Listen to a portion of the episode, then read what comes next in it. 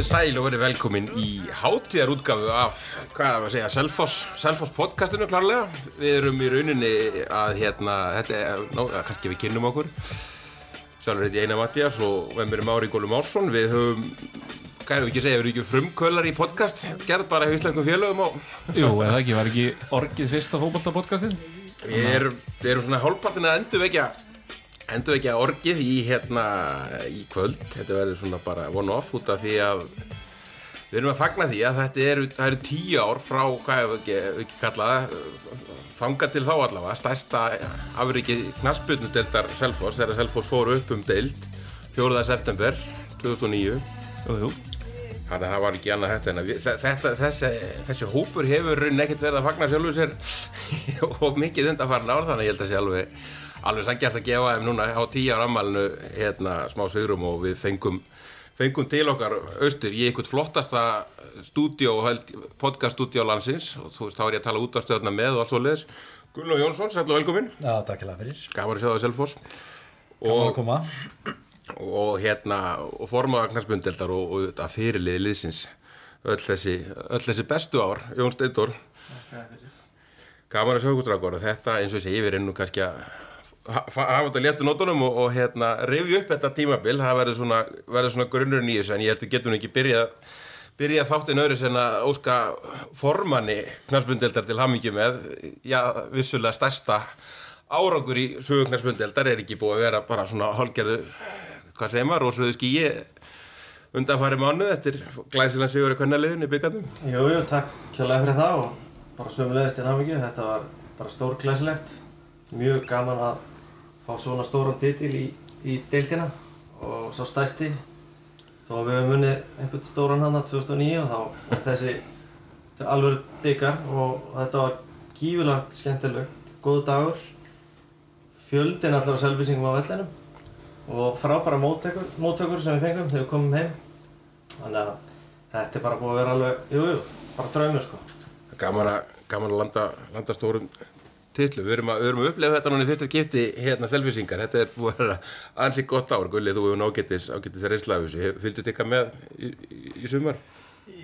Hérna í hvenna? Já. Já, ég er náttúrulega bara hérna samgleist með ykkur. Þetta var uh, frábæra árgur og hérna og svona ljósið þess að að, að, að hérna Selfossingar sé ekki stærsta liði þessari deild að, að, að, að ná þessu er, er, er bara magnað og, og hérna og gaman loksins að, að, að Selfoss vinni stóran titil í, í, í knastbyrðinni. Nákvæmlega.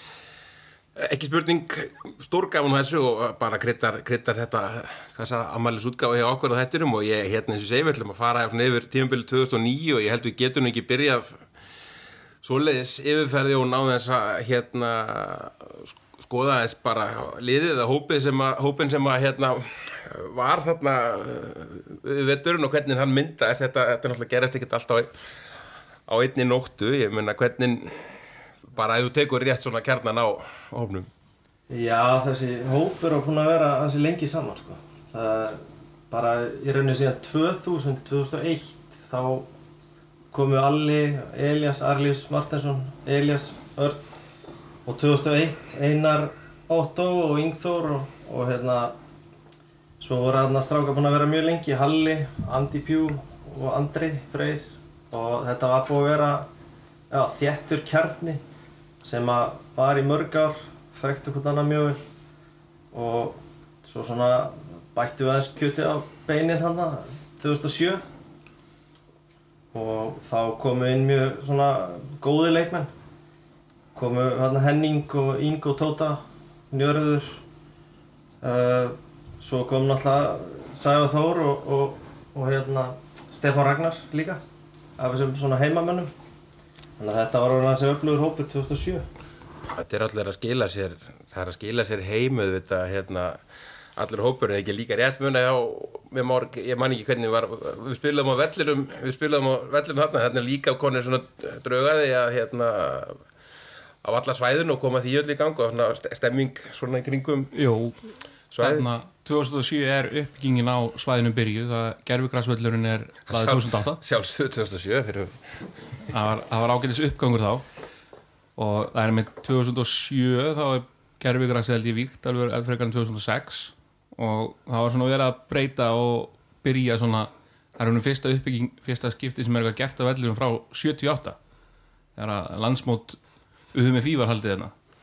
Fyrsta skipti svona eitthvað að fara að huga þessu og þetta var svona breyting sem var í gangi mitt sko 2007, 2008 2009 og svo framlega sem er í 2010 og við erum svona ennþá á þeim stað núna. Við erum í, við erum í fjölmiðla aðstæðan og allar, allar kynir um náttúrulega allar kynir öll þess ára og er það ennþá held ég þetta er ekki rétt munið hjá mér að, að, hérna við náttúrulega erum í einhverjum vörubílum og alls ekki svo leiðis þannig að þetta er Já, 2009 er náttúrulega að vera að taka upp alvöldin. Já. Við spilum ekkit á honum allt rétt Byrjum á Gervigrasun held í fyrstu þrjáleikina. Spilum svo á eh, grasvellinu sem er unnur hliðin á Gervigrasvellinum, æfingavellinu. Hefur einhver segið já, rauninni Allt, allt þetta tímbil sko. Þannig að við höfðum ekki já, þessar eðlilegu aðstæður svona, að spila það sinni en, en ég teka fram að það myndast einhvern veginn geggjuð svona grifja.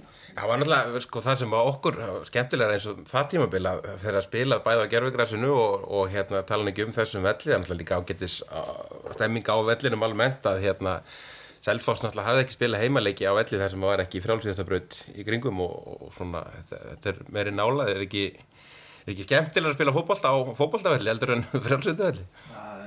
Það er svart og hvít sko. Það er alveg svart og hvít. Það er völlurinn, gamli völlurinn var reyndar ágættu líka sko en hann var, völlurinn sjálfur var lélugur. Stúkan sem var náttúrulega byggð hérna í- á einhverjum smiðum hérna í gamla dag var, var kannski ekkert ósvipuð og í dag sko. Það, fólk var onni í völlinum og það er miklu meiri stuðningur. Nákvæmlega. Eh, Jón, ef við förum, eh, eins og segi, tökum aðeins aðranda, það er náttúrulega ekki takt að tala um þetta liði eða þú veist, hvernig það fór að myndast, það er náttúrulega þettur hópur, þetta var lið sem var svona mikið til uppalið eða þá leikmenn sem hafa verið mjög mikið, hérna, eh, mjög langan tíma í félaginu en, en hérna 2007 tekur Sóran við, er það ekki ákveðin vendipunktur ef við kannski förum, hvernig var þín upplifun á þeim, þeim mikla mestra, hvað gerði hann fyrir, fyrir hennan hóp? Eh, Svo hvað er að byrja?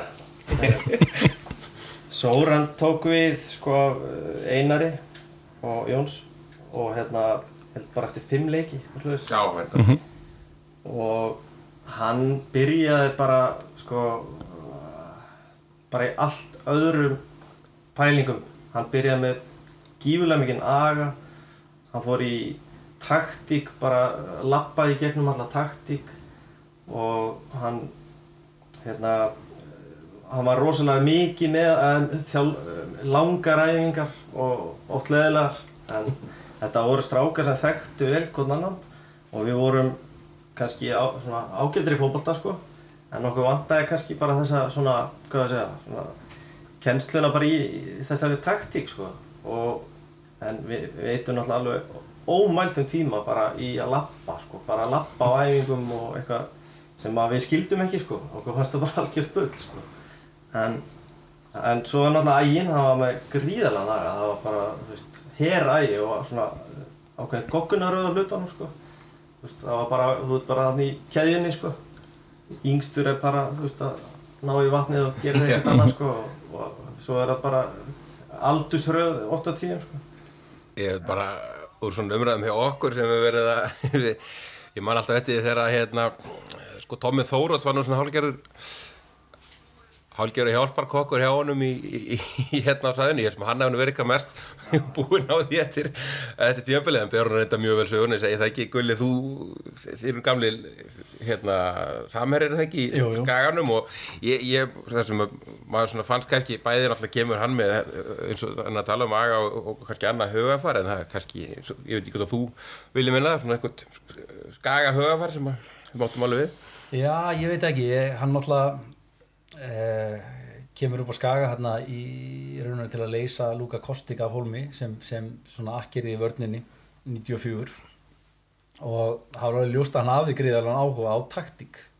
Og það fóru nokkuð partíin í það að, að hann var að útskýra eh, sína minningar bara með því að vera með 11 glöð sko á, á borðinu. Og, og hérna og rúlaði kannski yfir það í partíum frekar en á æfingarsvæðinu en, en gæði náttúrulega gríðalegu sigurveri og ég naut klálega góðs að því að hann hafi drillað liðið vel. Og hérna því að ég kem þarna inn sem algjör bara rúki í þjálfun.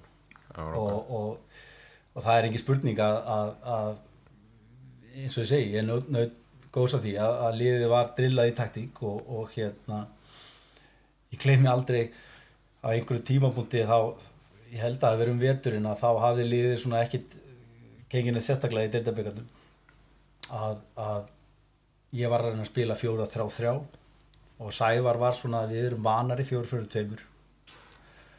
Og ekkert mál við köllum þetta bara fjóra fjóra tveir. En svo var Arilis bara settur aðeins aftar í varnarleiknum og, og það, það kom, kom það sem, sem, sem ég vildi kannski fá að vera kannski ekki með tvo pjúra sendera heldur en, heldur en í varnarleiknum að hafa Arilis kannski aðeins aftar sem spilaði þá oftast í tíinu svona framan á móti með Sævari. En, en, en eins og ég segi, ég held, ég held uh, hafi verið gott að koma eftir honum bæðið på það að gera að liðið var vel drillað en líka það að hafa dálítið sústliðið Nákvæmlega, það voru ágættis væntingar eins og 2007, það er eins og segir að koma heim strákar sem voru búin að vera að spila í deilt fyrir ofan í einhvern smá tíma en eins og, eins og Jón kemur inn á pa- partur á hópnum samt búin að vera svona, ef við hörum lengra eftir tíman en, en hérna er náttúrulega líka bara kannski inn að það Selfoss var náttúrulega búin að vera 14 ári í þriðutöld þegar það fara upp og við, þú veist, það er að myndast rosalega stemming strax það sömar, ég man og við fórum við mási hérna með eitthvað góða að ferð norður það var stór hópur sem að fylgdi á Greinivík og ég held að við náðu ykkur sko, þó þið fluguð heim. Æ, ég flög heim líka. Á elvitið auðvitað. En sko, það sem Soran kom með inn í hópin var að, þetta svona vinningselement eins og Gulli talaði um og hann alltaf bara frábær sagan að því þegar hann er að taka við sem það var að vera að kynna hann til leiks í, í, inn í tíbrá og þá mætum við að funda allir leikmenn og veistu svo sem ekkert mikið hvað var að gerast en grunna að það væri þjálfari skipti og svo allt í hennu kemur bara gæi inn í sko með alls geggjaður með stökk sólgleru síðum leðurfrakka, bara eins og Terminator sko. við bara, hvað er að gerast þannig að þú veist, eftir það var náttúrulega ekkert, ekkert annað en bara stúta öllu sko. við unnum fyrstu leikina bara strax, bara eiginlega á taktík við vorum, eins og sé, ágættir í fókbalta unnum, fórum strax að vinna gekk bara ótrúlega vel sko. Og svo tóku við reyndar held ég var ekki í síðasta leika eða eitthvað? Þurftu að tryggja hérna annarsæti til að fara upp.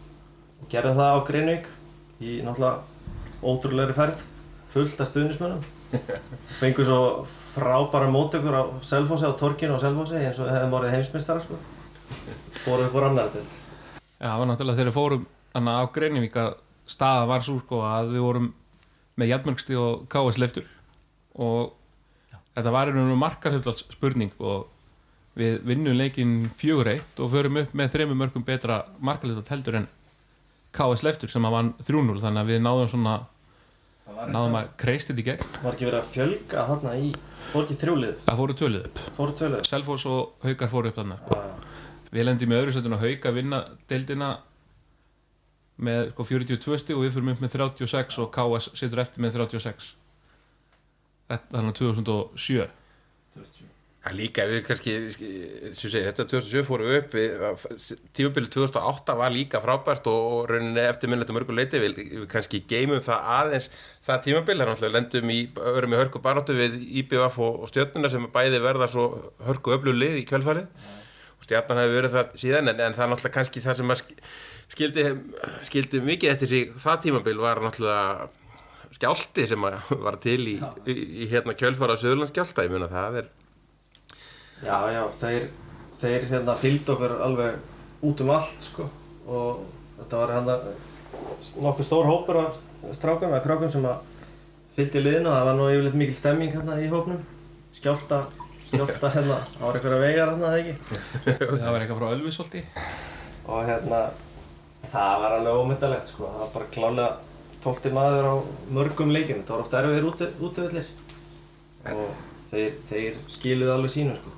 Skjálti gæti ekki verið með betri markasetningu það, hann sett, Bjarni Einars hérna í Ölfusólti setti, skjálta á, á markað, það kom söðurlega skjálti bara nokkrum vikum setna og svo samdan við hérna stundisliði á Selfossi. Ég alltaf að það var ekki illa auðlist, það er alveg, alveg nokkuð ljóst en, en hérna eins og segið, snúum okkur nú aðeins að 2009 og gulli bara eins og þú segið, þú kemur kemur algjörlega nýrin í, þú ert náttúrulega bara frekar ungur þú tekur við í mestrarflokks þjálfun er búin að vera, varst ekki bara þú vorst að spila með KR Já, sem fyrirliði bara það tímabil og, og hérna, ég raunni bara þá fyrst spurning þú voru vantilega verið svona komið með hugan af þjálfunni, hvernig kemur það til að þú kemur að selfos? Já, fyndan við það er að ég var ekki farin að huga þjálfur og þetta síðust tímbil mitt í K.R. ég var hann að ljúka þryggjar á samning og hafi gengið illa hjá mér sjálfum. Hafi lendið meðíslu, svo fyrstu alveglegu meðslunum á ferlinum og hreinlega enda fyrirlin bara á bekknum í, í byggjrósla leik gegn fjölni.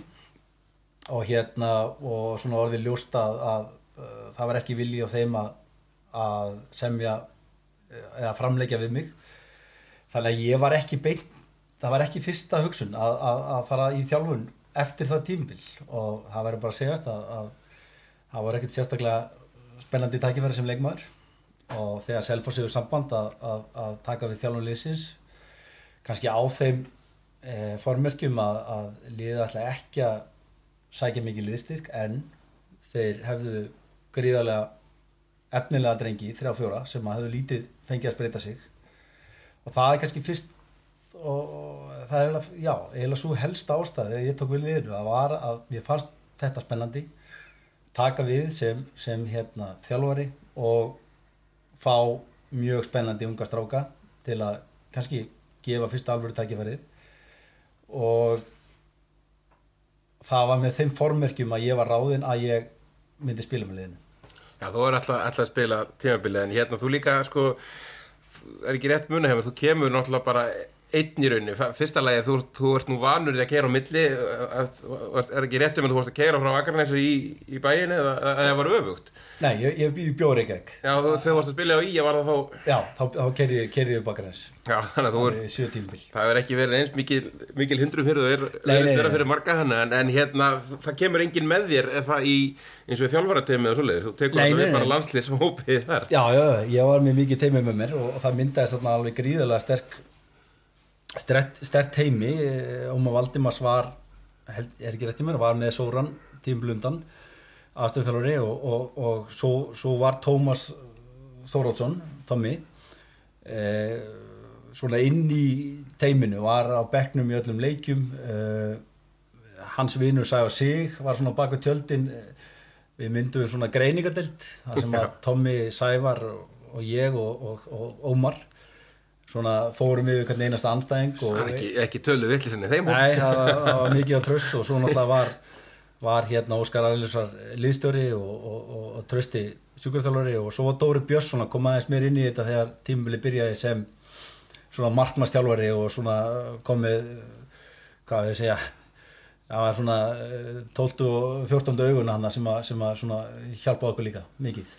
Nákvæmlega Sóran, ég veit ekki hvort hann hætti í slæmi eða ekki, hann náttúrulega lendi, hann var ekki beint rekin heldur, lendi bara dildin í, það er náttúrulega efnahagsrun sem á, kemur hann um haustið, e, varst í einhverju kontakti við hann? Nei. Ekkert? Eh, Ekkert, ég, ég hitti hann bara fyrst held ég bara þegar hann var mættur sumar eftir að lita sér að vinna sko. þá hérna mætti hann ákveld leik og, og hérna, nei nei ég var ekkert í sambandi við hann heldur bara svona fannst mér ákveld líka að vera bara með hreint blað og, og það var nú strögl minni mig fyrstu æfingarna bara að, að safna saman hóp.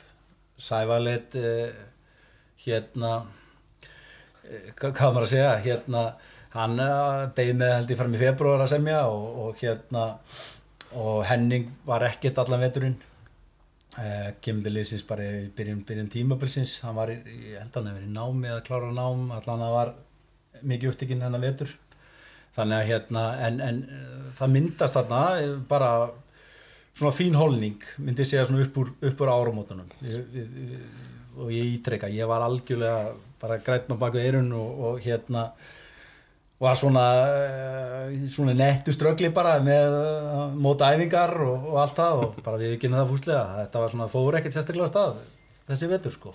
Jón talandi um það að sko veturinn er náttúrulega eins og segið það gengur að eh, kannski bröðsulega ekki, það skiptir stóru máli hvernig næfingarleikir eh, spilast eh, svona framan af en, en hérna líka eins og við setjum um það er efnahagsrunn þannig að það er ekki utalansferð en eins og leiðis eins og, við, eins og hefur oft verið í þessum, þessum deildum var ekki hvað það var, bara farið norður og Já, sko, þessi kjarni helst samt svona þokkala áfram þó hefum kannski ekki verið öflugur hann fyrstu mánuðina hérna í janúar og, og þetta er strákar sem náttúrulega þekkja eitthvað annað vel og, og það var ekkit ekki peningar í að fara hérna eitthvað til spánar eða eitthvað. Við nefndum kannski ekki að fara að selja klósettpapír sko í februar og þannig að við tó- tókum hann ákvörðun með þjálfaranum að skella okkur bara norður í æfingarferð og hvort það var í mars eða Já, mér minnir að veri hérna mánamóti massa-april sem er Sko, er ekki rétt, er ekki rétt munum með, ég eiginlega alltaf þegar ykkur úr þessu liði talar um þessa blessaða æfingarferð þá er alltaf kemur eitthvað svona glott og svo er eins og sé eitthvað code of silence, það er ekkert sagt meira það, hvað anskotin gerðist eiginlega. Það er allan hægt að, að byrja að segja það að, að þarna ákveðum við að fara á fimmtundi og, og hérna spila leik sem þið leiðum við komum og svo er þið svona létti við um kvöldið og, og, og, og svo, svo svona förstu dagurinn er þið svona doldið svona já, meira létti við sem endar þá uh, á einhverju grilli um kvöldið sko og svo bara heim á lögati Við reynda fengum sko heimilt hann einhverju fjóri reyndir leikmenna til að fá að fara á miðvíkudegi. Það er alltaf betra að fara að kanna aðstæð. Var reyða búin að gleyma því En, En eða sko, ég, mér hangar það að segja að, fara á 50. kom og löguti, þetta gerði ég svo nokkur sem setna aftur. Ég gerði þetta með háká, ég gerði þetta með skagan, alltaf flugu upp. Þannig að þetta reyndist mjög vel, þessi, þessi uppskrift, að fara ekki utalansferð og vera með lið í fyrstu annardild. Og hérna, og, og, og, og, en þessi ferð var, var, var mjög fín, hún alltaf þjappaði hófnu saman uh, djammeritur á föstudskvöldinu var aðeins eh, líflegar en, en, en þjál, þjálfarinn hefði viljað og, og hérna við vorum á einhverju gistihimili í göngugötunni. Og ég var þarna í herbyggi og það er þetta rosaldri leysi. Nei, það var fínt eftir og ekki og, hérna, og það varð allt vittlust þarna um nóttina. Mikið læti.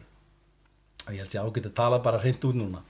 Að, að hérna ég ákvað það þess að nótt að vera ekkert að fara fram og eitthvað að skaka leikin heldur bara að lifa þessu að, að svona degi út sko.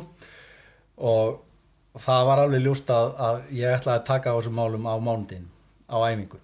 Svo fórum við bara heim held ég að við verið á enga bílum held ég eða já, á, á lögadeinum og, hérna.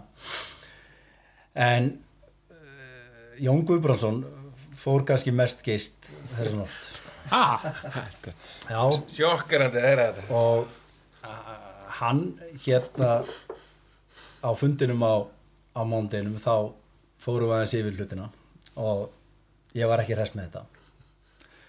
Nema hvað að ég leta hann sitja eftir og liðið fór út og þá fekk hann bara síðasta sérs ef að þú ætlar að haga þig svona þá get ég ekki nota þig. Og það má segja að kannski er þetta ástæðin en hann var eitt besti leikmaður þetta sumars Já, já, er náttúrulega bara einn ein besti knertbyttum aður sögurnar. Ekkert bara á Selfossi, heldur bara, bara almennt. Þannig að þetta hafði, bara svo við tökum á saman, þá hafði þetta mjög góð áhrif, hópurinn þjappaði saman, það er ennþá bara að segja sögur af þessu, þessu nákvæmlega. akureyra ferð og, og hérna, og þarna var, um þetta leiti var svona holningin að, að, að nást í liðinu og, og ég vil svona kannski, við höfum talað um að undirbúrstífla hafi ekkert gengið sérstaklega, en það er leikur hérna í Grindavík, nei, í móti Grindavík, í Keflavík, sem er svona að mínu mati eftir að higgja svona smá vendipunktur. Og það finna við að ég var þetta var hluti af, af hérna, þjálfara mentum minni að, að, að setja upp þennan leik og það voru hérna fulltrúar sem ég hafa mjög hóp sem að sáu fundin og ég veit ekki hvort þú maður eftir hún Jón en fundurum var á var á hérna í, í salnum hérna í Reykjanesvöllinni fyrir ofan ofan völlin og ég man að já, þjálfur eins og Pétur Pétursson var að hlusta á þennan fund og, og, og svo einhverju sem þú nefndir og Guðni Kjartarsson var, var minn mentor. Og hérna það gekk allt úrskeiðis í þessum hundi fyrir leikin ég bara þotnaði upp í, í hérna munninum. Ég bara, ég, þetta var bara katastrófa frá A til Ö. En það sem gerðist í hálfleik var að ég að strikk og kannski náði ég hérna, þessu stíi fjálfararmentinu út af því að ég gerði ákveðna breytingar eh, sem, a, sem að reyndi svo vera svona púslið í þessari holningu sem vorum að leita að Arilius fór þá fremstur á miðuna eh, Einar Ótt og Jón Guðbrands voru á miðunni Sævar þá fremstur uh, Jón og, og, og Siggi Eiberg bakverðir Stefán og, og Agnar Bræði afsendar og, og þetta var svona holningi sem að kannski helst út þetta tímbil með einhverju breytingun alltaf Nákvæmlega, þetta er sko væntinga fyrir mót þrátt fyrir að liðið var, þetta var náttúrulega frábært tímanbill 2008 og sérstaklega fyrir nýlega deildina og bara var alveg grátlegt að liðið færi ekki upp. En hérna væntingar fyrir þetta tímanbill voru ekkert svo rosalegar, ég menna er ekki eins og segi það Steppi og Agnar til dæmis báðir með ungir eru þarna í vörninni, var sko hvernig var bara tilfinninginu ykkur og til dæmis var þetta þið sjálfan, ég Þú, þú spilaði sem bakverð þarna, hvern, þú varst alltaf á, varst ekki alltaf á miðjunni fram, fram að því í rauninni? út um allt sko, kant, Já. kanti og ég spila center með þess að geta bjöss það gekk ekki mjög vel en jú, ég eh, fór að spila bakur en sko væntingarnar þarna þó að, þó að hólningin á liðinu hafa ekki verið eitthvað frábæri byrjun þá voru væntingarnar sko frá okkur sjálfum bara, við vorum bara að fara upp sko. Já. það er ekkert annað við vissum það að við gætu það við vorum með liðið árið áður og það var bara allan tíman sko. Þó að svo kom Gulli greið og tók við þessum hópi hérna vittlisinga og, og hann var nú við rættum nú saman hann eftir þessa akkurirafærið og hann var í svona í netti sjokki sko. En ég hérna held þetta að þjapa hópnum mikið saman sko. Hve- Hvernig var breytingin þá fyrir, fyrir hópin? Hvernig myndu lýsa því að, að þjálfara skiptum? að fá Gulla? Já, það var bara það var mjög gott. Það var komin tími á uh, Soran. Það var við, við vorum búin að læra mjög mikið og Soran gerir mjög góða hluti.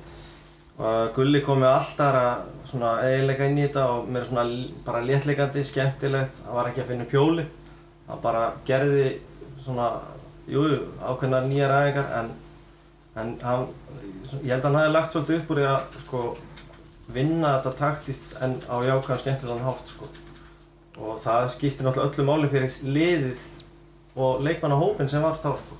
alveg klárlega Ég, ég held að sé ákveðt punktur að, að, að, að, að það, það voru klálega vendingar í hópnum og ég minnist þess að stuttu fyrir móta að ef ég eh, lét ég hvern og einn spá hver lið, hver lið myndi enda með minnir að útkoman hafi verið annarsætið leynilega kostninga. Já, leilinni kostning og ég, ég verði ekki ég, ég vissi ekkert í hvað ég var að fara með þessa dild ég haf aldrei hort á leik í, í fyrst dild vissi ekki þanniglega um þessi, þessi lið nema maður, það sem maður sá um veturinn. Þannig að ég, ég er svona já, það er svona eh, rann mjög blind í sjóum með þetta. Hvað, hvað, hvað er liðið stæði svona gagvart hinn liðanum Fyrsti leikur í þjálfun, mestrarflokks, þá þetta er, það gekk þetta nokkuð sterku liði káa á heima, heimaleikur, bara hvernig var, hvernig var tilfinningin hjá þér, stresslevel og, og hérna, svona kannski þá munur á- frá því að vera, vera fyrirlið í, stóru klubi. Já, hún var bara ágætt sko, við vorum reyndar í tólti basli fyrir þennan leik. Eh, Sævar var held í veikur eh, í banni. Það vantaði tölvert í í liðið fyrir fyrsta leik, þannig að við vorum held ég bara nokkuð sáttu við eitt eitt jættabli heimaðalli móti, móti Káa eh, við tölum um Hafsendana, Agnar Braga og, og Stefán, ég fann það fljótlega að þráttur ég hafa hafi verið spilandi þjálfarið með mikla reynslu að að það held ég að vera einn svona líkil punktur um að ég gat uh, hjálpaði mér eftir þennan leika ég mittist aðeins frá einhverjum tvo-þrjá leiki og þá bara myndast þetta afsendapar sem var nokkurnu veginn út tímabilið fyrir utan sístu leikina þegar Agnar Bræði meðist að, að Stefán og Agnar Bræði voru afsendapar nummer eitt og, og ég var svona til, til, til taks þegar, þegar þurfti sko. Nákvæmlega, þetta er, já, þetta er og ég er akkur komin tilbaka þeir, annarkvort þeir eru í banni held ég ég man ekki 15-17 umferð og, og hérna. Þannig að, þannig að það, það, það var einn af svona liklónum, þarna var ungt og mjög lofandi tveir hafsendar. Uh, ha, miðjuspilið voru frændurnir Einar Ótt og Jón Guðbrands mjög sterkir, Ásker Örn Ólaf sem við fáum frá, frá K.R. Eh, bara ég held að það veri bara daginn eftir K.A.leikin þá fáum við hann þá, og það er eini liðsterkur fyrir utan sjálfan mig sem við fáum eh, til þessi lið það er strákur sem, verið, sem ég hafi verið með að K.R. bara í svona típiskur ungu leikmaður frá Káar sem hafi, þeir hafði ekki nót fyrir og ég fekk hann lána hann reynda með þeim glugga þeir getur svo tekið hann tilbaka í, í glugganum og, hérna, og hann reyndi sér að kvalreiki, gæt list margastöður og, og, og svona mjög tröstuleikmaður Ekki strákur sem að, já, fór setna í, fór ykkur í Norega Jú, flutti svo til Norex og spilaði held í annari þriðdeldinni og fann sér konu og er þar enn held ég sko. Já, ok. Það þetta, var náttúrulega já. það er kannski myndið svo inn að það var tölvöð breyting á hópnum og kannski tengist þeim í svolítið hruninu við, að því að það er svo mikið talað um sem að sko nú er það þannig að þegar maður horfið tilbaka þá mála maður hlutin átt svolítið svona rósrauðum bjarma og verður allt svona fallera en það nefnilega var mikil umræða eftir 2009 tímabilið þegar að liðið var hérna sorglega nálægt í að fara upp og með í raun og veru Dusan Ivkovic í miðverðinu sem hann var alveg í en að lið fyrstu deildarinnar eftir tímabilið, hann fer Boban Jóvits fer uh, Viðar fór til IBF Arnar Þór og Ásker Börkur fara aftur í fylki. Uh, kannski aðeins minni missir í Kristján Óla.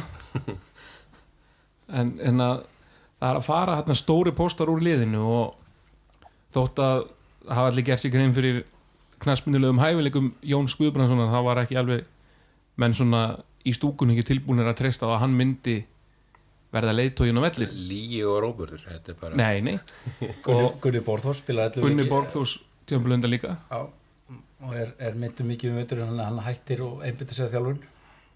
Og þannig að það var mikil, mikil hérna já, eins og ég segi, það var, var, var margir leikmennir fóru og, og leikmenn eins og Yngþór spilaði lítið líka. 2009, færi starra hlutverk á 2008 segi, færi starra hlutverk og Jón Guðbjörnsson alltaf kemur úr hvað neðslu með að segja Já. já. og hérna og yngri menn eins og Guðmundur Þórarins, Jón Daði Stefán Ragnar, fá, Ég- fá starra hlutverk. Úr þessum káaleik, Jón, það var nú já, ein svona frétta myndin sem var notuð, þar, þar sést þar sést, hérna, þú fyrirliðið Selfoss. Eh, ég veit ekki hvort þetta hérna, slást eða stíði frá við, hérna, nú er þetta stjóra Selfoss. Dín Martin í háaðaröfrildi Já, já. hvað er þessu leik, hann var þetta alltaf alveg snarvillis í mótið mynd, Selfoss. mynd fyrir Dín sko, hann er ekki á móti sex held ég selvisingum hann já, og það er þjálfara til með okkar núna Dín og Einar og tóna og Gulli hann og Alli, hann, hann, já, hann var gjössalega óþólandi leikmaður sko, alveg óþólandi og en mikill vinnar líka þetta er svona ákveðna típur sko. Og hérna við vorum, þó maður þóldi hann ekki það, við hittum hann einmitt Gulli á Akureyri. Maður sér því, Já. á gisteimilinu, hann kom og hitt okkur. Alveg þegar öll hérna villi sem var að byrja. Þá sagði ég við því, sko, ég, ég gæti ekki hitt ég gæti hann ekki, sko. Þetta var, þú veist, mér langaði ekki að hitta hann. Og þú sagðir, sko hérna, þetta verður alltaf lega, það er fýtt gæði, sko. Svo náttúrulega reyndist það að vera alveg eða náki, sko. En ég hata hann bara inn á völlinu það var ekkert flóknar en það, sko.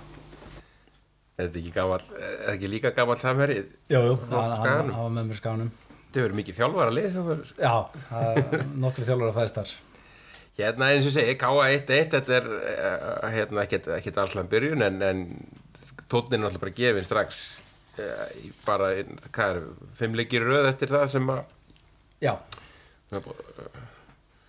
sem að svona setur, eins og segi, setur tónin fyrir, fyrir mót, þá til að þá til að gemur að hvað, bygg, ekki höttur í byggandum jú, jú. Eh, Við unnum hann að í er Víkingreikjavík og HK HK fannst mér sterkur sigur útöfelli 2-1 uh, Þeir voru held ég með ég segja svona favorites.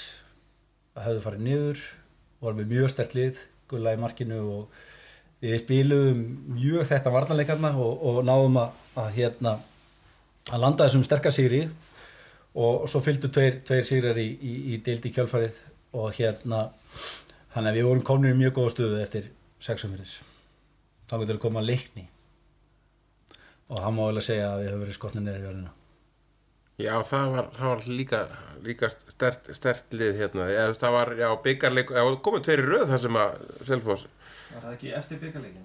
Eftir, eftir hennar hattarleik sem var spilaður 17. júni og, og hérna og Jón Ólafur uh, lætur reyka sig út af og, og hérna Sævar fór í markið. Jón, varst þú ekki að spila þenn leika?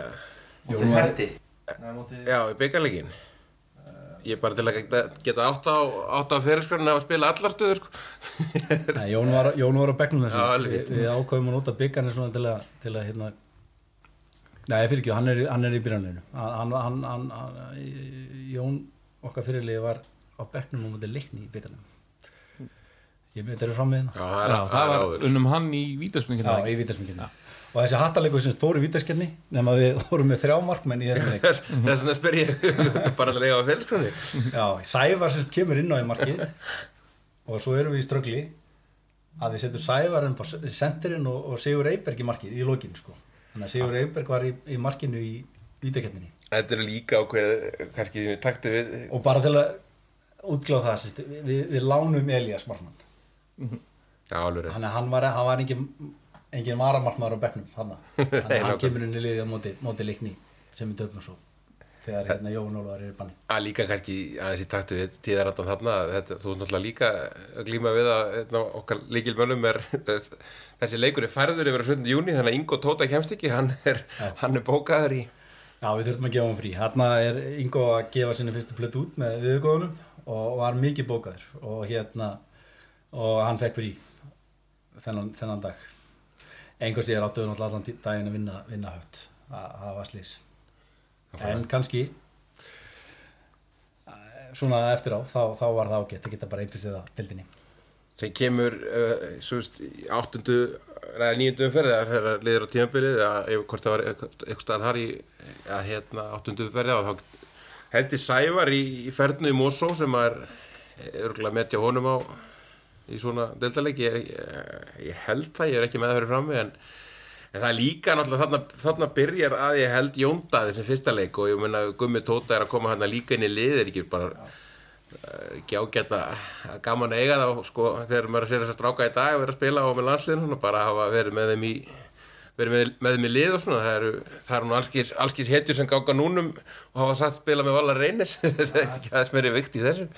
Jú, þetta, það eru fórhættindi, þeir, þeir æfðu vel og, og náttúrulega voru ótrúlega efnilegir og spilaði með viðar líka, Gumma og Jónin Dada og þetta eru strákar sem maður sá fljótt að þeir, þeir eftir að ná langt, þeir, þeir lögðu mjög mikið í þetta.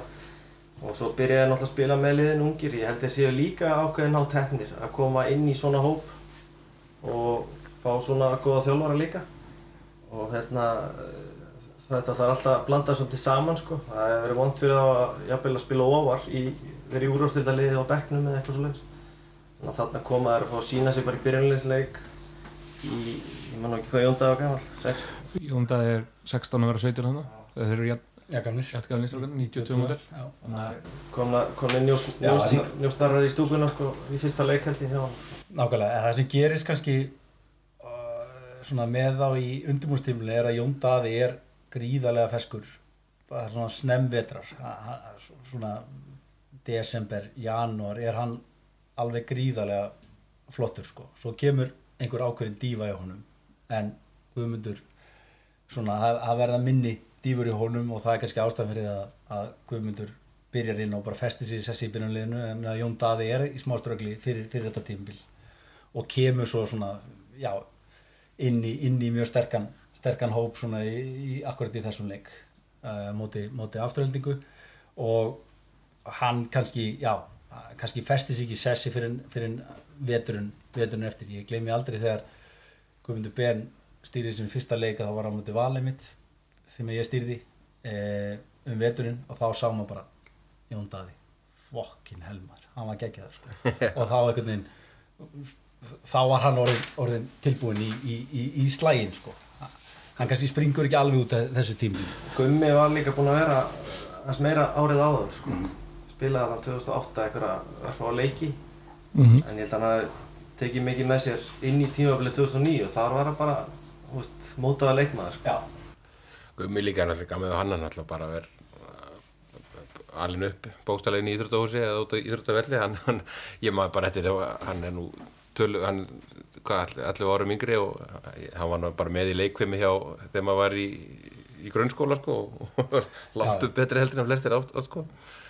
Þannig að það, þú veist, það er mjög gaman að sjá fara svona, en sástu það fyrir þér að gulli að þeir þarna var efni í aðdunum en þessi, þessi þrýr Já, já, ég, ég held að maður alveg geta séð það, séð það strax eh, hérna gríðarlega eh, bara metnaðgerni drengir víst, tilbúin að leggja mikið á sig og, og með svona fókusin réttan og, og hérna og bara alveg geggjað að að sjá hvernig fyrir þeir hafa búið sér til Þetta, sko, þetta er árið sem Viðar fer samt í IPVF, sko. Viðar hefur verið með okkur hann, sko, líka. hann slítur crossband þetta snemma sumas út í eigum og, og kemur svo aftur um haustið Já, alveg. Ég lagði mikið á mig að, að halda við þeir Ha- hann, og ég meira sem gerði mig sérstaklega ferðið til að hitta Amos og ömmu sko.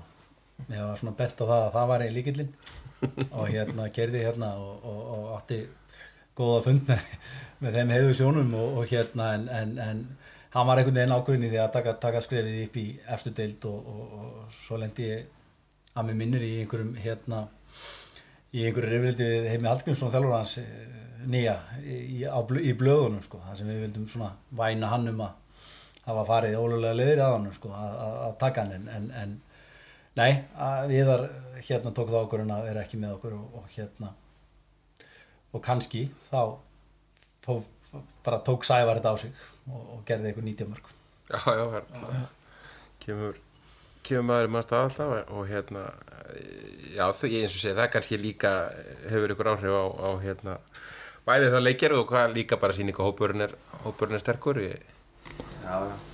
En talað um, sko, Sævar, ég ætli, verð ekki aðeins að fá að rósa vinnu mínum, þó hann kannski, ekki á mikið samt, við erum bara að halda sér alveg í hófi. Ja, þarna, Sævar Gíslan alltaf kemur 2007 og þó við fáum fullt af góðum leikmennum 2007, þá er líka ákveðin vinningselement í gangi þar, sko. Það, það er svona, hann rýfur þetta upp og, og hérna, það er ekki bara, sko, Soran hafi komið eða eitthvað svoleiðis, það er bara fullt af karakterum sem að rýfa liði upp og og hann á náttúrulega rosalega stóra þátt í því og svo náttúrulega springur hann út að 2009 og skora 90 mörg á og hann, hann var nú búinn að eiga einhver mögur ár hann en hann kom til á Selfoss þannig að þetta var svona annað líf Já, hann setur eins og í, þegar hann kemur liðin upp úr, upp úr deilda, þá náttúrulega, það held ég þessi líka eitthvað 20 og 20 það eru 20 mörg þá, hann hérna, veðjaði við Dóra, Mort hittir Dóra Mortur glengt þær í bjóra hann, hann, hann eftirminnilega fyrir tíman bila hann veðjaði svona 20 að veðjaði myndi skora 20 mörg að það myndi Já, standast, það myndi Dóri mála húsið hans. Og svo stóð Sævar á 90 mörgum hann þegar að fara að líða hans á leikin í Grenivík. Og ég aldrei sem hann, ég æstan ég að klára þrönninu og Sævar var þar sem hann nú gerði. En hann, það var 20, 17 og 19 þessi þrjú tímanbíl hann 2007, 8 og 9 hjá honum. Og Dóri málaði húsið. Og Dóri málaði húsið. Það Sævar leitar ekkert komast upp með hann en svona út frá þessu ég, er Röggi Bílasæli búin að gefa ykkur Rolex-úrin Já, ég er nú séð eitthvað lítið af þeim. Ég, það var týnst í skipið eða eitthvað. Já, farið með víkatindi hljóta, Hérna, hljóta koma. Hljóta að koma eitthvað tíma sko en svona vendipunktar á við höldum aðeins áfram, þú veist, þetta er samkeppnin öll þessi ári, ég held að Selfoss hafi ekki spilað neitt tímabili á þessum tíma, á þess að vera með haugum í, í toppáratu mm. 2-0 undir á móti þeim og comeback og það er útið sigur upp á Skaga sem var líka stertlið þessara deild er Já, það var reysa sigur um på skaga einhvern veginn. Eh, Fyrir þann leika þá, þá vissum við að við gáttum ekki nota Gumma Tóta og Jón Dada og, og vegna landslýsverkefnis áttina við gátum fresta leiknum sem sagt en ákveðum að gera það ekki. Og, og vinnum mjög sterkan 2-1 sigur, þetta voru týpurannir þjálfur upp á skaga og, og kannski í, í takt við það sem að Arnar er að gera á Viking þá spilur við mjög sóttjart og voru veikir tilbaka og við nýttum okkur það. Í tvígang og unnum góðan, góðan 2-1 sigur og svo ákveðum við að að fá leikmann sem að er líka stórt held ég eftir að veikja að, að fá hjart hjartar frá þrótti. Og hérna og hann kemur hann að e, já, ég held að hann er á bekknum hann í, í K.A. í 12. fyrir sem við töpum. Sagt, eh, hjörtur í skelvilegu ástandi. Já, og fekk held í viðunni Kobe Beef. Jú, eftir, eftir, eftir að trösti að hafa verið nuttan hann einhverju leiknum. Eh, en, en einfallega vegna þess að sko ég, þó maður hafi ekki átt mikla reynslu sem þjálfari að þá er þetta svona miðbygg þú ferð inn í svona síðustu hvað við segja, 8-9 uppfyrirna þá, þá fer þetta stress að myndast í, í hóp sem að hefur kannski ekki alveg upplegað áður að fara eh, einstórt á og að, að fara upp um í, í, í fyrstdeildinni. Og Hjörtu var einfallega fengið um því að, þetta var alltaf mjög reynduleikmaður sem að það farið og ímsa fjörunarsopið í alls konar liðum og, og, og, og náttúrulega markaskorur að Guðstof þó að ástandi líka með hafi oft verið betra. Og það held ég hafi verið mjög stert að fá hann til þessis og líka bara ekki, eins og segjum á hreif að vera góður í hóp og vera alltaf bara andin í hópnum eftir, eftir sem myndast tíanbilið við máru voru nú tölvert svona í kringum, kringum hópið það var, það var alveg alltaf svo augljóst eins og, eins og þú segjum þetta er, þetta er líka þetta vinnuhópur og það var þetta ekki hvað maður segja, ske, svona skemmtilegasta tímabilið på þetta þetta að gera Jú, klárlega, þetta var mjög skemmtilegt. Það, sko, þó að Soran hafi lagt línundar eftir, eftir, eftir þú, hvernig var þetta? Eftir sigurleikina þá sagt, förum við alltaf á Café Cruz no matter if you win or lose we go to Café Cruz. Yeah. og það var svona bara stemmingin einhvern veginn í húfa það menn voru ekki bara fyllir í enn eitt svoleiðis það var bara, bara fengið sér kaldan eða eitthvað og bara taka út leikinn og svona. Akkur er Tommi ekki með þetta slókan upp á vegg? Það er ótrúlega gott slókan sko. Og hérna, svo náttúrulega held þetta bara áfram og letari stemmingarna líka 2009 og Hjörtur small náttúrulega bara þvílit inn í hennan hóp bara auðvitað að koma inn í hann en hann datt vel inn í þetta og fór að skora og náttúrulega gæða leikmaður og vissi bara tíu staðsendingar og svona, það þurfti ekki að hlaupa mjög mikið. Þannig að það var alveg guldsíkildi að fá hann sko í síðustu umferðumna sko. Það var líka gaman umfyrir eftir, eftir hennar leikamóti í að það er hérna útileikur á móti vikingi. Það var fyrsta skipti alltaf sem ég fór í, fór í stúkuna hérna í, vikinni sem að hafa alltaf verið að byggja stúku á Selfosum. Maður sá fyrir að þetta er því svona, ég finnst þetta nú eina betur hefnuðu stúkum landsins á svona, af þessum svona minni, minni stúkum og, og hörku stemming og talandum, talandum að hérna Jón Guðbrætt hafi verið okkar sterkustu munum. Hann, hann var nú, var, sett hann ekki kom okkur ekki bræðið í þeim leik Jú, setjum við ekki og, og einhvern veginn eftir þennan leik, við vinnum hann að Agnan Bræði skoraði síðumarki 870 alveg í blálogin og þú talar um stúkuna en þarna fekk maður, heyrðu, þetta er úrváðstildar svona setup. Flottu völlur og, og við spilum vel þennan leik og, og svona algjörlega geggjaðu sigur Það var allavega, setur eftir allavega þessi leikurinn, hvað hva stemmingu var það? Það má ekki glemja því að skjálti var náttúrulega gjössalega, voru frábærir á mörgum leikin þarna sko. Þetta er svona með skemmtilegri leikjumældi á tímafélina. Það var mikið að fólki frá Selfossi og skjálti náttúrulega stuttu okkur alveg brjála. Svo náttúrulega tóku við, tóku við ekki sigur í lókin bara. Og... Já, alveg blá lókin og náttúrulega gríðarlegu fagnur og, og, og eins og ég segi skjálti náttúrulega algjörlega geggjaðir þetta sumar sko. fleitt okkur land Líka talandum, talandum skemmtilega, skemmtilega útileiki. Því náttúrulega sjáu þið svolítið til þess að, að hérna, tíja upp skemmtilegast útileikin held ég sem bara hefur verið á, á selfhóðsæðin það var smá skjálti tapleikir, tapast háká stertlið eins og talar um úti á mútið þór sem er aldrei, aldrei auðvelt heldur þannig að það var alveg komið smá smá spenna undir lokinu tímpulinu, það var eins og segið háká, ég maður rétt háká var í séns og, og hérna sko, fjárðarbeðu var komin í séns og svona þannig að Já, sko, það sem að áður við komum að þessum, þessum fræga fjárðarbeðleiki, þá eigum við leika mútið leikni.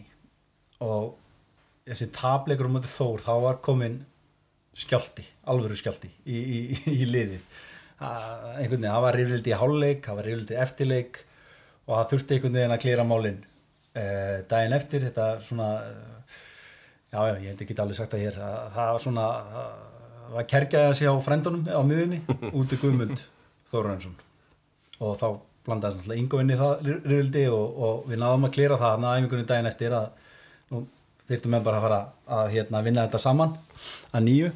Og við breyttum aðeins nálgurinni, höfum mikið verið að pæli anstæðingunum fyrir þennan leik eh, ég, ég nefndi þetta ágæta greiningarlið mitt greiningadeildina sem, að, sem að var náttúrulega frábæra vinnu fyrir hvern einasta leik en, en þarna fórum við að einblýna á, á okkur sjálfa eingöngu. Og það sem við gerum fyrir leiknisleikin að við útbúum myndband þar sem við tökum bara mörg stemmingu eh, tökum Guðjón heitinn sem að lest náttúrulega eh, hérna sviplega hérna um veturinn.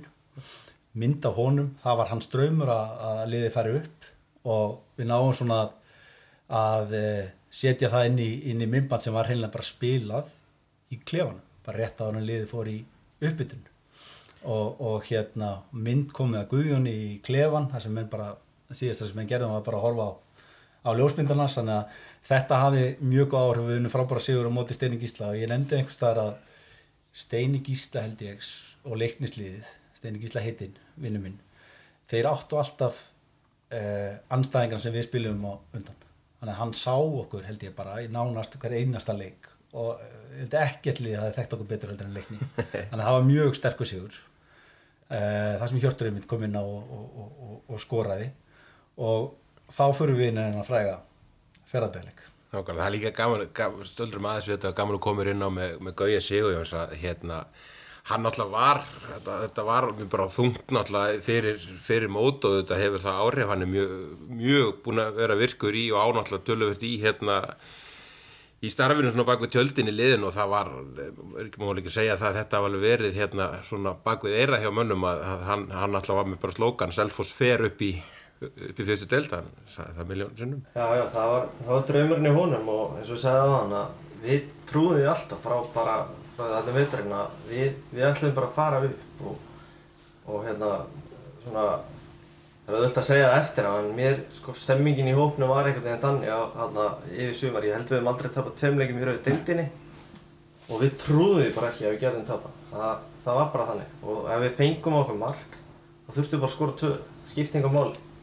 Og það, þegar maður er að upplifa þannig sko, tilfinningar þá einmitt skiptir það bara enga máli og þá er svo mikið samstæð þá komum upp einhverju erfiðleikar og menn fara að rífast og eitthvað svona innbyrðis mm.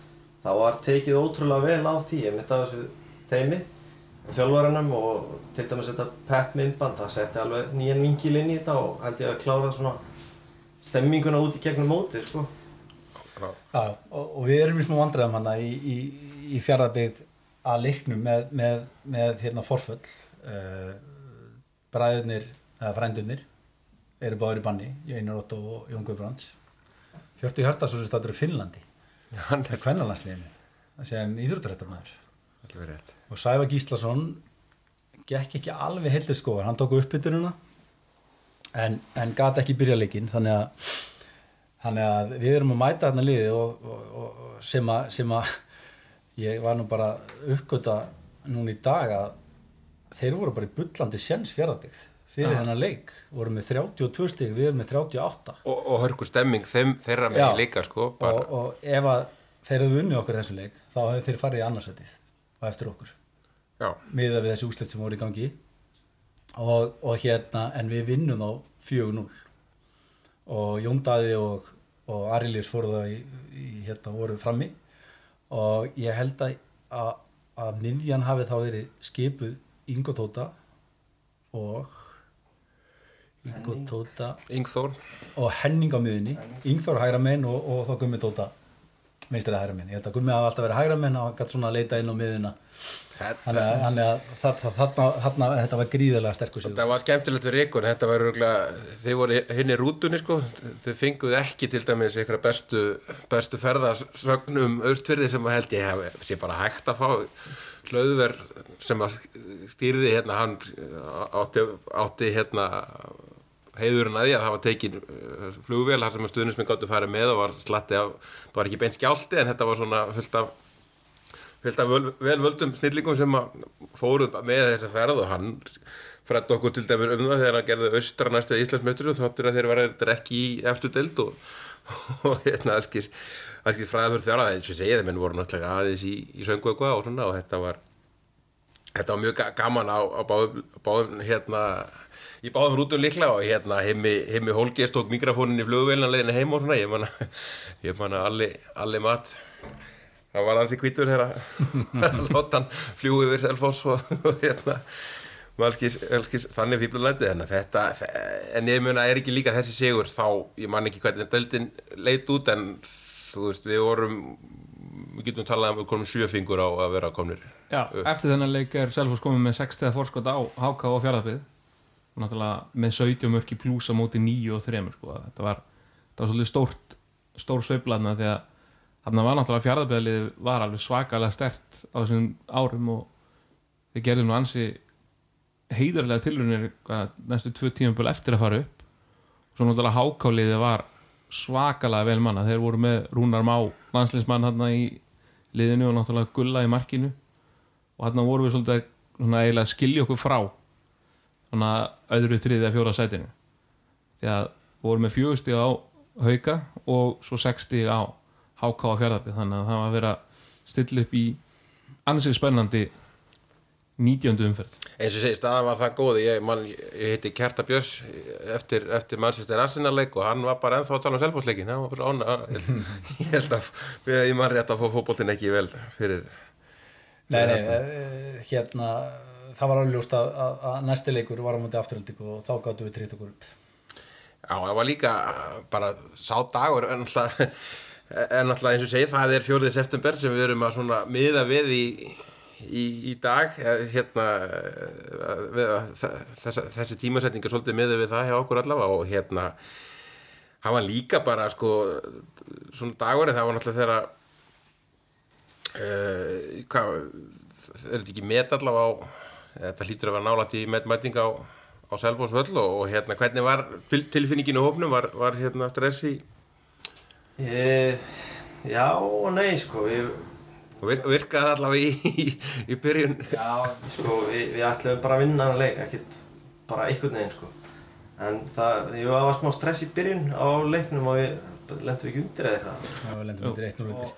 Það er smá, smá aðdraðandi af þessum leik sko. Eh, Agnar Bræði meiðist held ég á fymtudegi, leikurinn, eða leikurinn á förstudegi, hann beðist á miðgudegi, þetta var reyna hjólarspinnu á æfingu. Að hann er frá tímblið og þá þurfti þannig þjálfarinn að hugsa sinn gang eh, og ákvaða að setja mig í liðið eh, en stærsta máli var Hjörti Hjartarsson sem var þá kom úr tveikjagögnu ferð til Finlands lofa reyndur að æfa mikið í ferðinni en gerði það ekki. Rakel Heitin Kristjánsson sagði mér að sinna að, að, að hann hafi ekki hreitt sig. Ekki einu sinni. En uh, máli var að Arilius Martinsson átti stóluleik fyrir, fyrir austan og, og held að hann lagt upp tvö og, og skoraði eitt og var, var leikmaður umferðarinnar í, í fókvöldum.net og hérna og teimið mitt sem að lagði gríðarlega áherslu að það að Arilius myndi byrja hann að leik. Og það þýtti bara einhver bara fimm símtölu á leikdag. En ég var allan tíman ágöðin í það að Hjörtur myndi byrja hann að leik einfallega út af starri leikjanis og, og hann hafði reynslu í, í, í soliðis leikjum. Og hann þakkaði fyrir sig og hann ringdi í mig á mótni þessa leiks og, og vissi náttúrulega upp á hár að það var reykistefna og ég segi hvernig stæðan hún er góð skora þrennu fyrsta á 43. Már, hvernig skoðan fyrsta marki? 31. Já. En það setti samt þarna á 49. svona næst til að balansa rút. Já, hann gerði þrennu. Hann gerði þrennu. Og fyrir guld. Og fyrir guld. En, en, en það var mikið stress í mannskapnum. Sérstaklega að Arilíus myndi ekki byrja leikin. Og hann var eðlilega brjálaður. Þeir, við skilum vel.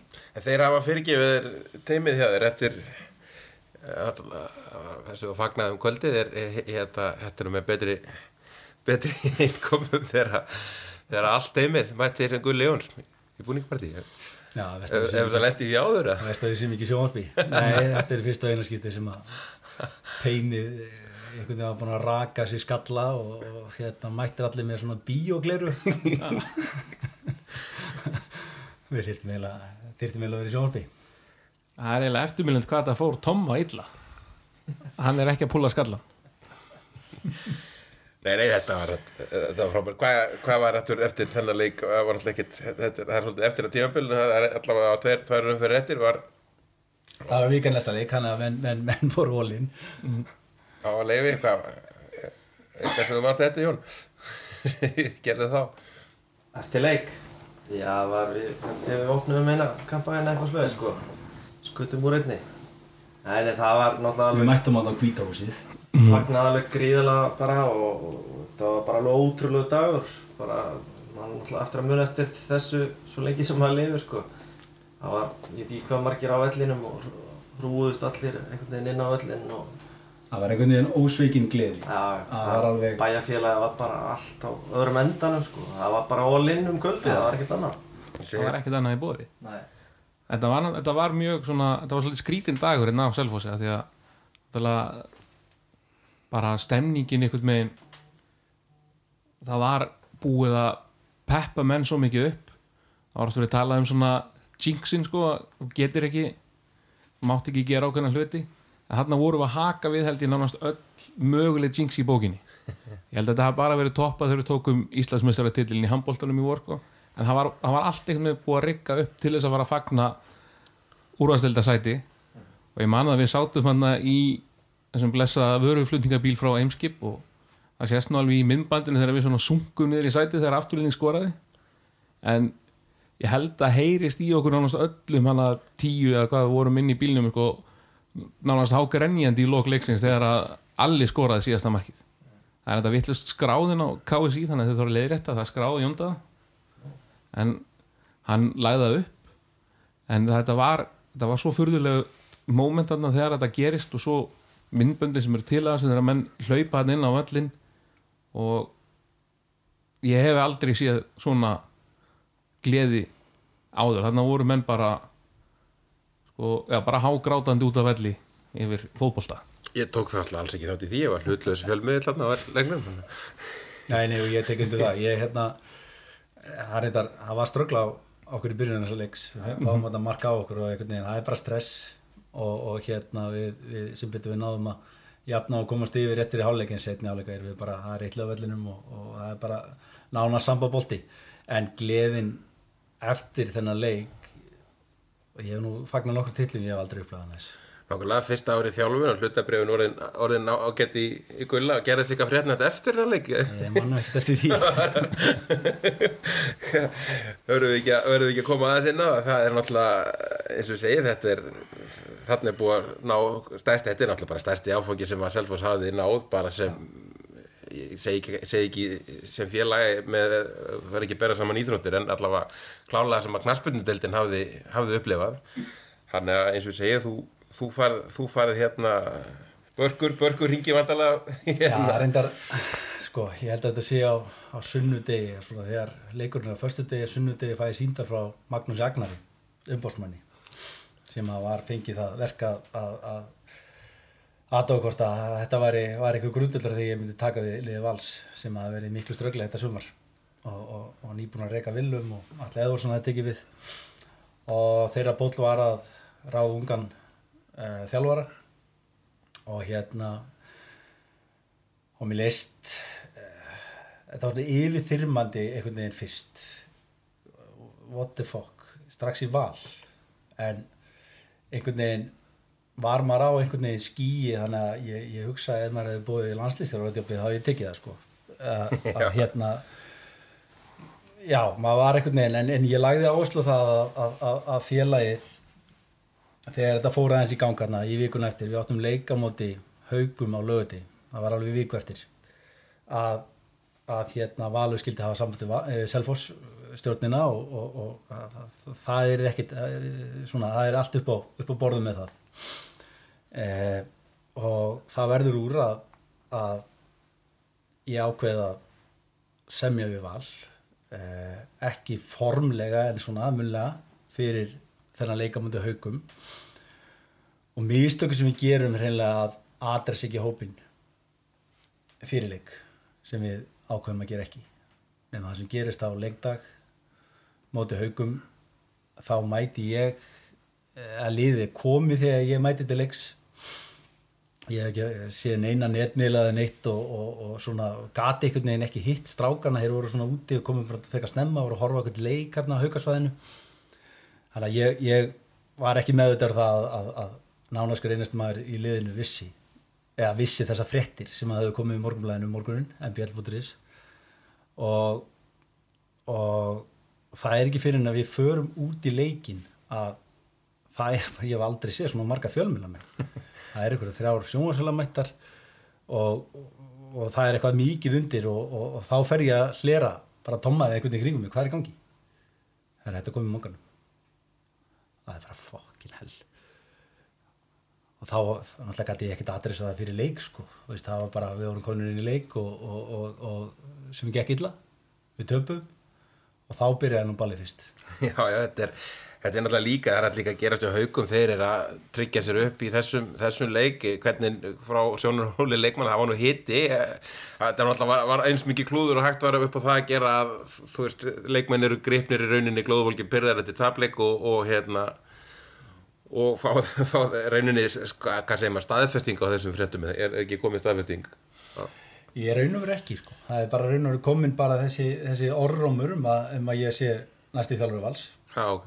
það er ekki komin staðfesting en, en, en ég tók þann bóluna hefðin að, að veit ekki neinn vitur en ég er búin að tala við strákana. Og þá voru náttúrulega Sæfa búin að nappa sér viðtal, Ingo var búin að fara í viðtal og voru náttúrulega fjandilög sko. Já, það voru einhverjir sem sá í miðlónum sko fyrir leik og, og fara náttúrulega með það inn í leikin en það var aldrei eitthvað staðfest eins og Gulli segir. og svo kláruðu leikin, þessi leikur var veist, bara ekkert góður á okkar hálfu en haugarnir voru líka bara góður og, og kláruðu leikin sinn og fóru upp Stemmingin, svolítið þeirra meina, já. Það stemmi ekki þeirra megin og ef þetta hefði ekki verið í gangi, það hefði ekki dróðald og við tapað þessum leik, hvað var það, 20 eða eitthvað mm.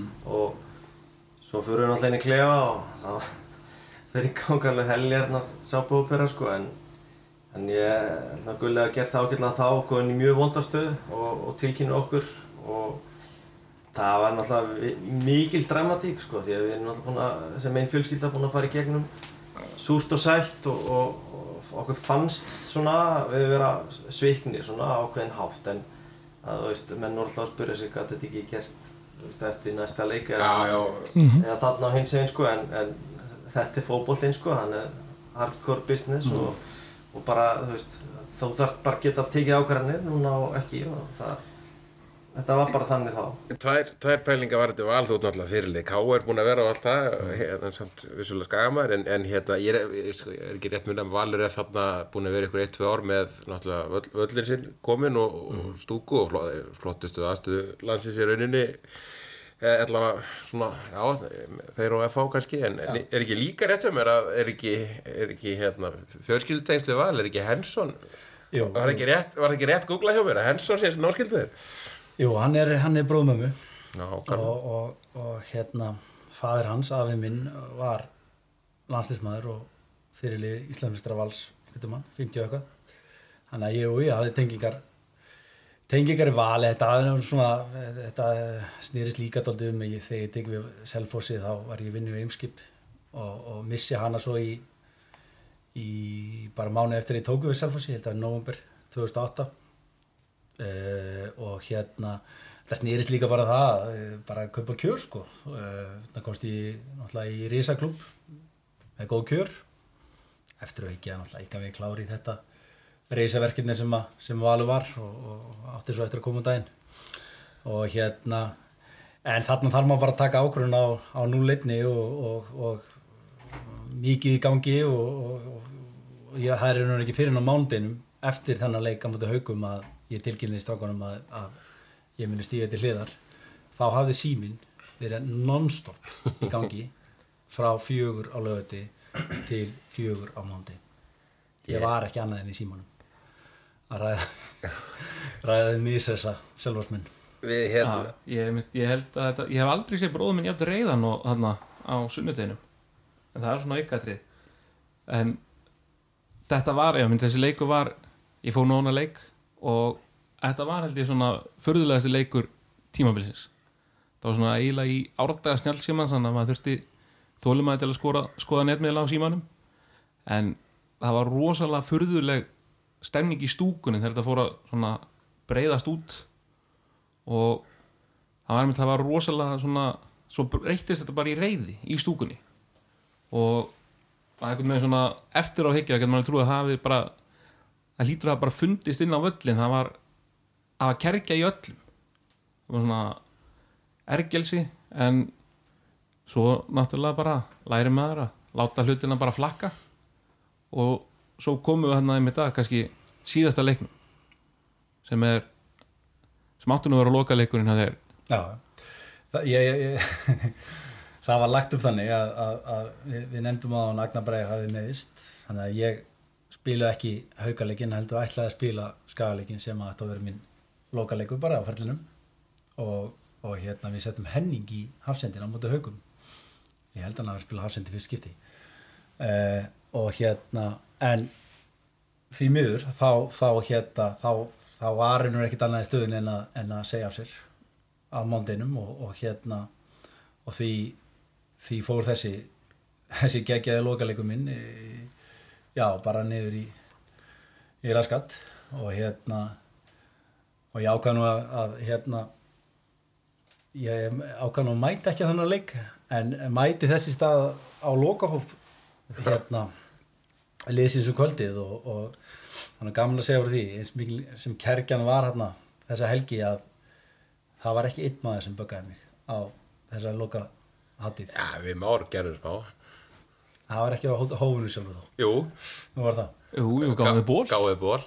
já, ég, ég, ég er að tala um Já. einhver, einhver, Ég meina í alvöru. einhver, einhver, einhver tuði sko Nei, nei. sem að hérna En það held ég svona einmitt þegar að sko svona þessi skyndireyði þegar að henni þegar að menn svona róðu þessi niður eftir það þá svona sá allir þetta í kannski einmitt að getur sagt réttu ljósi en ég er samt alveg sammálaði sem að Ingo sagði þarna það er þetta að fletta upp á samt við horfum hans til vals eftir þetta og ég er alveg sammálaði því sko. Það er enda alveg löngu fyrir þetta sem að svo skoðum að komin. Ég er, er hóvar, ég, þú ert hóvar, ég ætla ekki, fólk getur skoða þetta það vill. En skagaleikurinn áttu nú líka að vera lokaleikur hjá okkur um öðrum. Það var var það. já, í, í örfa mánuði. Já, já, það, þú, hann tók, Hjörstur vinnuðin, hann tók af þeir raunin hennar lokaleik og gerði hennar sínum og þetta var rosa með pompa og prakt og lokaleik um þetta í og klæði gott að það fekk ekki skiptingu og það bæði stundulli klöpu og allt svo leiðis og náttúrulega er hann ekki ennþá að spila. Já, hann er ennþá skráður í kórdreiki ég tók einmitt saman sko, hann er mættur í Skagan árið eftir. Hann er í Vík ekki tvö tíumbil ég tek hann upp á Skaga 2014 svo er ég að svona dra- drappar hann aðeins niður, hann er augnablík hann í tvö tíumbil og kórdreiki núna síðast og hann, þetta var ekki alveg En þetta, þetta var náttúrulega, segi, það er titill í bóðið þarna, það var ekki búið að tryggja byggarinn sjálfan með, í þessum fyrir að hann skipti, skipti máli og var náttúrulega líka kannski að koma inn á það, þetta var á byrja tímabili með sorgabönd og, og enda það er náttúrulega mjög skemmtileg saga bak við það, eða saga, þú veist, tákar þetta Siggi Galla sem að, var nú búin að vera bakkall Selfoss og, virkur í marga ára tugi, hann, hann náði leiknum þegar Selfoss var upp og náði að segja að fara upp og, og það var, ekki réttum að það var heiðusvörður fyrir, fyrir þennan leik og byrjað þar Byrju, byrjuðum þar, stofum heiðisvörð fyrir kallinn og hérna uh, sko titill í búið, auðvitað við vorum bara að fara að vinna titill, það var ekkert annað í búið og það, hérna, var svona blenda tilfinningar með þjálfaran, þú veist, átti hann að vera með eða ekki og allt þetta voru umræði, hann, ég held að hann tekið bara ákvörðunum það sjálfur. Og, og sem var bara, bara vel hjá honum og allt er góð með það en við vorum bara að fara að taka titil og þó, þó við hefum farið upp þá vorum við ekkert sattir og þetta það bara lísti hópni svolítið vel. Við, við ætlum bara að klára verkefnið og skæna alltaf með hörkuli og við, það var ekkert eitthvað gefins leikur þarna í lokin sko en það, það hérna fór bara mjög vel sko. Nákvæmlega, ertu ekki, eins og ég segi, ertu ekki varstu ekki fegin í rauninni bara þá strax? Lendir ekki böggi á, á lokahófinu, það er alltaf bara að tala fyrir sjálfum það hefði verið algjört klúður að enda tímabili svona og svo bara, veist, bara kött alveg búið, já, hérna. Jú, ég var mjög fein að, að hafa mætt og, og hérna og svona ná að, að taka loka fagnið á þessu gegnjaða tímbili, þetta var náttúrulega og er ennþá bara óglemalegt einhvern veginn ævindri. þú, þú, er ekki hægt að byrja mikið betur að þjálfara þjálfara fyrir Nei, það ég held að sé já, alveg, alveg maður náttúrulega hérna, þetta var algjörlega geggjað og, og, og, og frábæð byrjun eins og hún kannski byrjaði illa þegar maður á fyrsta æfingunum. Nákvæmlega, eins og segjum við förum að, við förum að slappa, við við erum komnir á, á hérna, við erum komin með liðið upp og, og hérna við, kannski förum ekkert yfir, yfir næstu, næstu tímabil. Þetta var hérna Selfosliðin alltaf hefur farið tvisar upp eftir, eftir þetta. Ég hérna, heldur förum við kannski ekki að fagna ekki því öllu saman. Við, við, við miðum við þetta og hérna erum við ekki verða nokkuð, nokkuð góð með þessa dagskrám hvað segir þú Már? Ykkur... Jú, ég held að Við hefum svona oft, samt kannski að bara spurninginu menn ef og hefði leik sko. Hvernig getum við teiknað upp ef og hefði? Ef að Valur hefði ekki komið til sögunar hvernig hefði tímambilið eftir spilast? Þetta eru svona spurningar sem menn átt velt fyrir sér. Hvernig hefði ferilinn þróast á leikmönum og svona. Og það var gaman að bara velta í upp sko ef Gulli hefði stýrt Selfoss í fyrstu úrvastild 2010 hefðu við séð eitthvað öðruvísi. Við vorum náttúrulega alltaf að spila á sama svona shoestring budget. Ég, ég held það sko. Ég, getur náttúrulega ekkert aldrei verið viss en ég held að þetta liði þurft svolítið svona utanumhald sko. Og það breyttist talsvört árið eftir og fengið náttúrulega nýja þjálfara líka sem var líka órindur það var erfitt það er erfitt að fá órinda þjálfara og það er öruglega erfitt að vera órindi þjálfari og hérna, ég held, já, ég held að liðið þurft svolítið festu að nára eftir sko. það, mm -hmm. það, þó marga breytingar og margi góði menn sem komi að þá og, og svo já, já, neini líka En það er, er líka erfitt að setja kannski þau spór á að fara, koma sér nýr þjálfari með liðið á sko hæsta leveli sem að hefa, liðið hefur verið á í rauninni. Það er náttúrulega á eins og sett, það var ekki það var, það var mjög gaman að um kvöldi sko. Þarna loka hóið og líka þarna fjóra september. Þá heyrðum maður alls konar svona frösum fleikt sko. Við, nú varum við komin til að vera í Evrópukjöfninni og ég veit ekki hvað, hvað sko Selfoss ætti að vinna næsta tímabil og en sko já það er örgulega verið gott að hafa sama þjálfvaran til að fá stöðuleikan sem svona já svona lið í væntala bóttbaratunni eða, eða miðja úrvastöld Ef við ekki segja þetta okkar að núna kemur Dín Martin okkur hægt og rólega upp, upp á dillunar og, og gerir Selfoss fljótlega að svona stabílu úrústilla liði og Gullið þú kemur svo inn þegar hann fær leið og svo spila fyrsta Európa-leikin, er það ekki? Það er gott plan. 2029, þetta er svona tíur á resti sem við erum að Við erum að taka þetta, en það er nú en það er kannski svona á svona raunsæri nótuna, það er náttúrulega gaman að enda á því að sko bara af því að við förum hérna upp með ykkur 47 stíð ef ég manna það rétt og frá því að sagt, það er fjölgað í deildunum það hefði þessi 47 stíg dugað í hvert einast skipti til að fara upp nema í fyrra. Það var 48 og árangurinn sem hafa náðast þarna bæði stígafjöldin er svakalega góður. Það er næst flest mörg sem að lið hefur skorað í næstæðstu deild eftir að það var fjölgað. Og svo vorum við með fjóra leikmenn í lið ásins að sjálfsögum með þjálfar ásins með leikmann ásins sem var Sævar efnilegasta leikmann ásins og 12 leikmenn sem voru tilnefndir í lið ásins þannig að liði sem við erum með þarna nú, nú getum við bara staðfesta hér með að því að við höfum, höfum þennan glugga þessi tíu ár að þetta er besta lið sem við höfum átt. Og nú þarfum við að fara þurfum við að tala við stjórninu um það að henda í svona mynd á stúkuna af þessu liði. Nákvæmlega ég held að við Það er verið að vinna í málunum Kitty Borðar er eitthvað að taka til í myndunum hjá sér og á eitthvað að græja þetta núna. Vonandi bara núna í haust. Vandamálið er það að það finnst engin mynd sko það vandar alltaf einhvern á myndina mm. þegar að sko besta myndin er þegar við erum allir inn í markinu það er, er eftir skalegin nema gullið þá en þá vandar bara eitt leikmann og veitum ja. hvað það var? Eftir skalegin? Eftir skalegin Ég bara automátisk gískja mér alltaf í okkur öfraðisum Nei, það var Yngþór Jóhann, það var einninn í klefa að opna kampaði að sjálfsögðu það er bara Photoshop, það er allskist tækni til í dag. Herðu, besta lið í Sögur Selfoss. Ég held við getum ekki enda þetta á betri nótum en, en það. Við hérna, eins og segja, gaman að, gaman að reyfið þetta upp og, og taka ykkur heiðusmenn fyrir, fyrir að mæta og gera með okkur. Við hérna látum við látum átna í, eins og ég segi, þetta er flottasta, flottasta podcaststudio landsins og líklega viðar átni hann hendur í lokalag og, og við þökkum fyrir í kvöld My